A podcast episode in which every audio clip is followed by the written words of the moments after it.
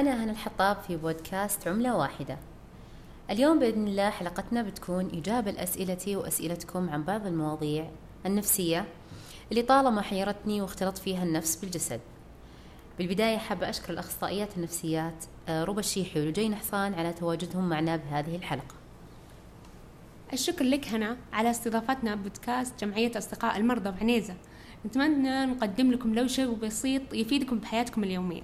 فعلم النفس هدفه الرئيسي إنه كيف نتعايش ونتقبل حياتنا اليومية وتقلباتها. آه، بداية ودي أحكي لكم موقف حدث لي وهو يحكي عنواننا لليوم وبنتطرق له إن شاء الله بالتفصيل مع كل فقرة من فقرات حوارنا.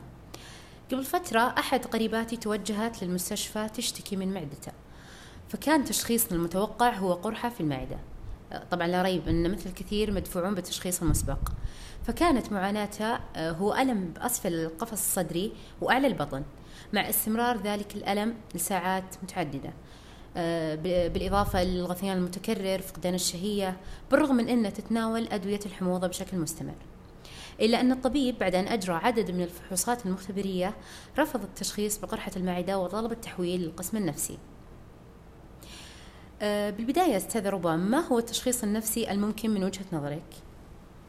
آه، أول شيء أعتذر أني أطلق لك تشخيص معين لكن بناء على حديثنا السابق آه، أنه الطبيب النفسي شخصها باضطرابات السيكسوماتية أو اضطرابات النفس الجسدية بالضبط هذا ما وصلت له بعد بحثي مع صديقنا جوجل فنحن نعرف تأثر صحتنا النفسية بأعراضنا الجسمية والوراثية يعني كما هو الحال بالاكتئاب والفصام بالغالب يحدث نتيجة لسبب عضوي لكن هل العكس ممكن؟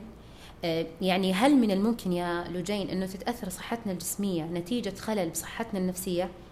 مثلا يكون مسبب الصداع أو القولون أو السمنة أو حتى حب الشباب سبب نفسي؟ سؤال جميل أستاذة هنا أحب هنا أنه أوضح على أهمية رجوعك لمصدر موثوق. للحصول على نتيجة سليمة يعني بعض الصفحات بإنترنت تنشر معلومات مغلوطة. وعادة يتم فيها ترويج منتج أو عيادة مشبوهة أحيانا. يعني من الأفضل الرجوع لوزارة الصحة مثلا أو قريبون أو عيادات لبيه أو فام كير مراكز الصحة النفسية العامة. لكن أستاذ هنا الإجابة على سؤالك نعم. من الممكن إنه إنه يسبب يسبب الجانب النفسي خلل عضوي ونحن نطلق عليها في علم النفس بالاضطرابات السيكوسوماتية. طيب نسمع بالاضطراب النفس جسمي والسيكوسوماتي. فما معناه؟ طبعا سبب التسمية أنه لاختلاط النفس بالجسد فهما وجهان لعملة واحدة. طبعا يكون عندي أعراض جسدية والمسبب الأساسي نفسي وهذا اللي راح يكون نقاشنا لليوم. ومصطلح السيكوسوماتية بالأساس جاء من كلمتين. سيكو وهو نفسي somatic وجسدي وللتنويه إنه في DSM 5 أو في الدليل التشخيصي الخامس أطلق عليها الاضطرابات ذات الأعراض الجسدية. طبعا آه، لو جينا نعرف وش المعنى من الاضطرابات النفس الجسدية أو السيكوسوماتيه هي إنه في عديد من التعريفات وضحت لنا هالشيء لكن تعريف أحمد عكاشة قال إن أعراض لمرض جسدي أو خلل في وظائف الأعضاء. يكون السبب الرئيسي والعامل الأساسي هو العامل العاطفي والنفسي وهو نتيجة القلق والتوتر. طبعا يكون فيها آه، أعراض جسدية. طبعا مثل آه، قرحة المعدة والربو والصداع النصفي وغيره. والسمة الرئيسية لها هي إنه راح تكون في ظهور أعراض متكررة وأعراض جسمية تكون. ومع آه، استمرار التقصيات الطبية أو الإجراء فحوصات بشكل مستمر وحصولك على نتائج سلبية مع طمأنة الطبيب بأن الأعراض ليست آه، ذا أساس جسمي. وإذا كانت الأعراض جسمية ومهما كانت شدة الاضطرابات هذه جسمية ووجودها عضوية يعني فعلية لا تفسر سبب انزعاج أو قلق وضيق المريض اللي يعاني منه.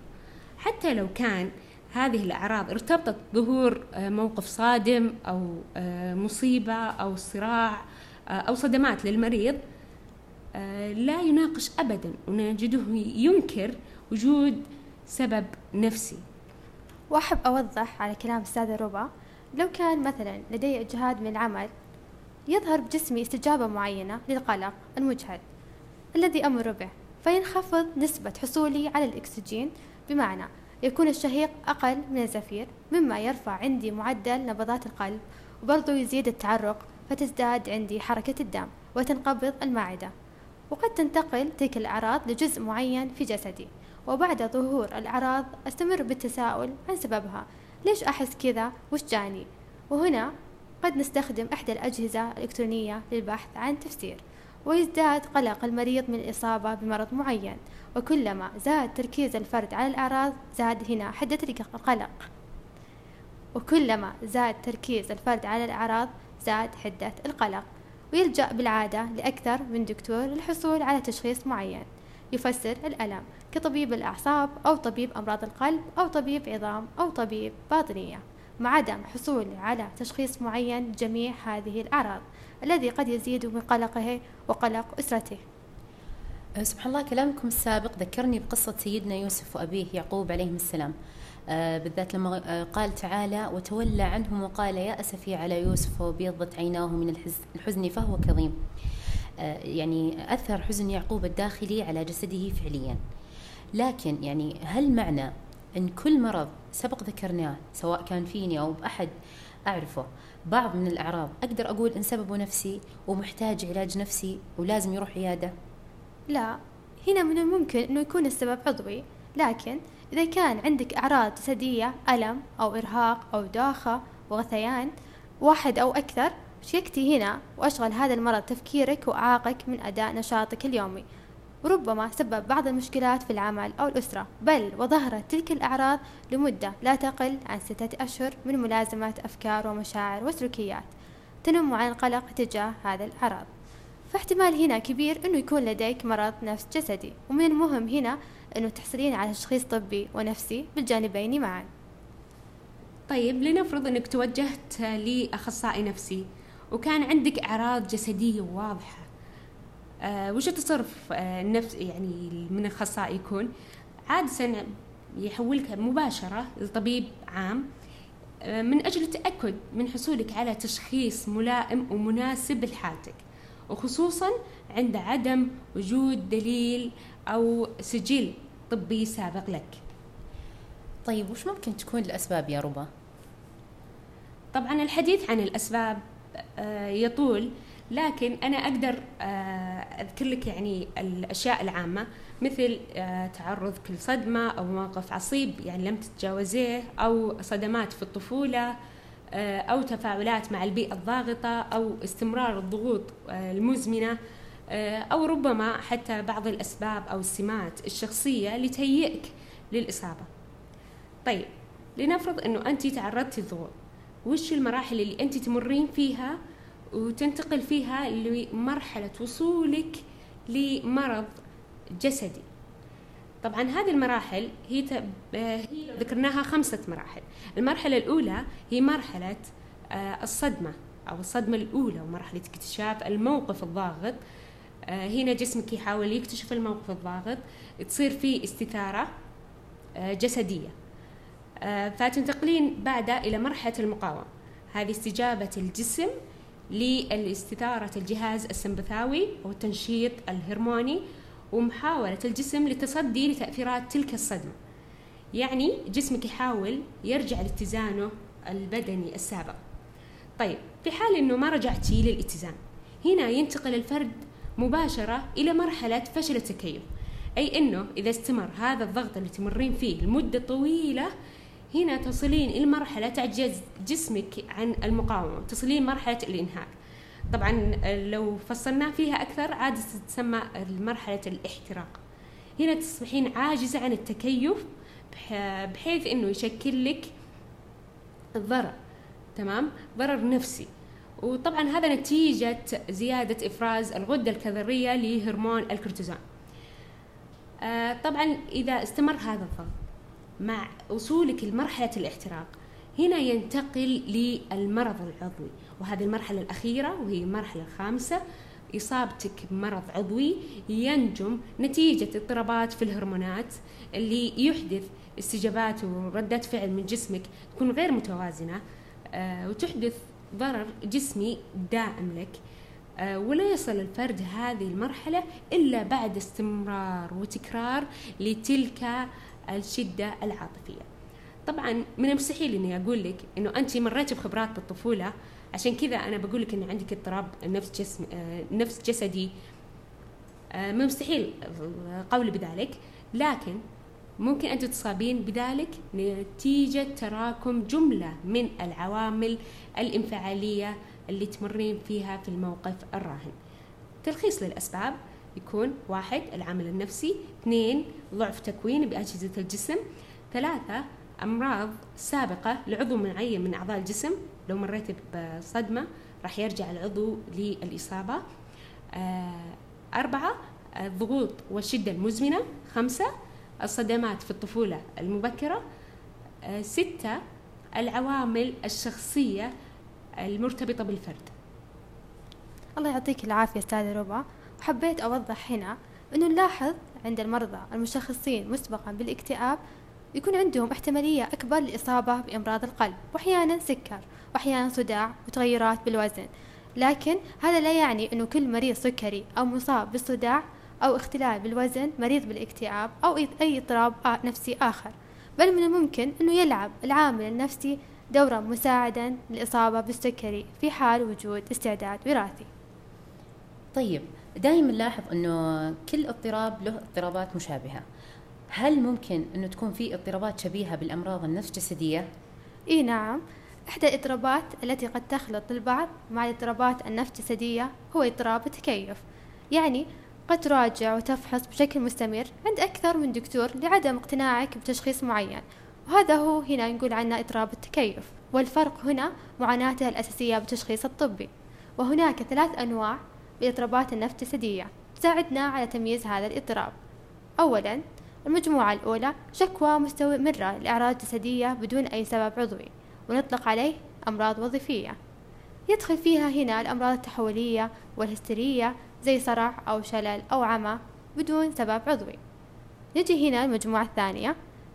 يدخل المسبب النفسي كعامل مساعد للإصابة بالمرض كالإصابة بالسكري من النوع الثاني أو ارتفاع ضغط الدم أو السرطان أو غيرها نجي هنا المجموعة الثالثة مرض عضوي واضح مرتبط بالجهاز العصبي يعتمد بإصابته على العامل النفسي كقرحة المعدة أو الصداع النصفي طيب كيف أقدر أقي نفسي؟ طيب في خطوات آه، ممكن تساعدك على إنك تقين نفسك من إصابتك بالامراض النفس الجسدية أو الاضطرابات النفس الجسدية بالمعنى اصح آه، أول خطوة إنك تتعلمين الاسترخاء وتمارسينه بشكل منتظم. فيعني زي ما وضحنا قبل إنه قلة الأكسجين تأثر على الجسم بشكل سلبي. فالنتيجة تصير عكسية لو تعلمتي كيف تسترخين وتعلمتي كيف تديرين الضغوط. الشيء الثاني أو الخطوة الثانية الاختلاط بالمجتمع. آه، ذهابك لزيارات واجتماعات عائلية ومحاولتك لمشاركة المجتمع بالأنشطة. المختلفة. آه، الخطوة الثالثة اكتسابك لعادات وممارسات جديدة.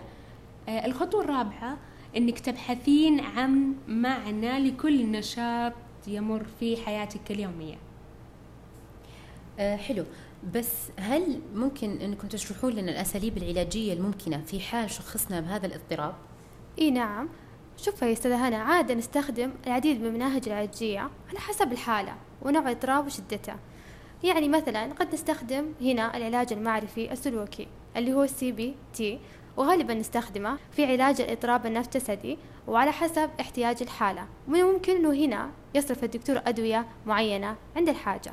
وبغيت أذكر إذا تسمحين لي أستاذة هنا. أكيد تفضلي. هنا بالعادة نستخدم ال CBT لكن ليس دائما على شيوع استخدام العلاج المعرفي السلوكي وجب أني أوضح للمعالجين والمختصين أحيانا يكون سبب اضطراب خبرات بالطفولة أو صدمات فالأسلوب الأرجح هنا يكون علاج جدلي سلوكي خصوصا إذا كان المسبب صدمات ممكن أن نستخدم هنا العلاج المعرفي أو العقلاني انفعالي. وكل هذا يا أستاذ هنا يرجع على حسب احتياج الحالة من المناهج العلاجية المتعددة. جميل. طيب بالنهاية كيف أقدر أساعد قريبتي وأساعد أي شخص مشخص بهذا الاضطراب؟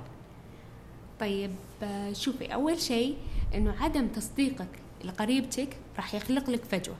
فعشان كذا حاولي إنك أنت تفهمين إنه الاضطرابات والأعراض اللي تمر فيها هي عبارة عن استجابة جسمه لهذا القلق. تمام؟ هذه أول خطوة. ثاني خطوة حاولي إنك تساعدينا على أن تتعلم الاسترخاء وتاخذ فترات كافية من آه، الراحة. برضو أنه تساعدينا أو تشاركينا بأداء عدد من الأنشطة مثل أنه تروحين معاها للكافيح أو حتى تمشون مع بعض. آه، وربما لو كان ما عندك وقت تسجلين بنادي رياضي يكون قريب منها. طبعا هذا له أثر كبير. آه، برضو ما ننسى ونأكد على ضرورة أن توجهينا العيادة مختصة تساعده على مواجهة هذا الاضطراب. وزي ما ذكرت أستاذة ربا المشي هنا يكون حل مساند للإضطراب النفسي وعنده فوائد سحرية على الجسد والنفس معا. فيعمل على تحسين اللياقة العضلية ولياقة القلب والجهاز التنفسي ويحافظ هنا على التوازن في الجسم ويحسن الصحة العقلية وكذلك المزاج. بل يساعد بالحد من مخاطر الإصابة بارتفاع ضغط الدم وأمراض القلب وداء السكري ومختلف أنواع السرطانات والاكتئاب. الله يعطيكم العافية بنات. طبعا حابة أنا أستكمل قصة قريبتي بأنها استمرت بزيارة العيادة النفسية ولاحظنا عليها بعد تقريبا ما يقارب شهرين أنه تحسنت صحتها وتعدل مزاجها وصارت اجتماعية أكثر آه، حتى التزمت بدوامها اللي كانت بس تاخذ إجازات فيه. بالختام حابة أشكرك يا أستاذة ربا وأستاذة لجين على التنوير ببعض المواضيع اللي قد أجهلها أنا والكثير من المستمعين. آه، شكرا لكم جميعا. شكرا لك أستاذة هنا. كانت المناقشة جدا مثرية سعدنا مرة بهذا الحوار وكانت نقاش مثري ونعتذر لو طولنا عليكم. آه، ختاما كما قال الروائي أسامة عكاشة السقوط يبدأ داخل النفس أولا وسقوط الجسد آخر خطوة. أدام الله صحتكم الجسدية والنفسية معا أترككم برعاية الله. أه وقبل ما نختم أي تساؤل أثرناه اليوم ولم نجب عليه يسعدنا تشاركونا عبر تويتر من خلال الرابط المرفق.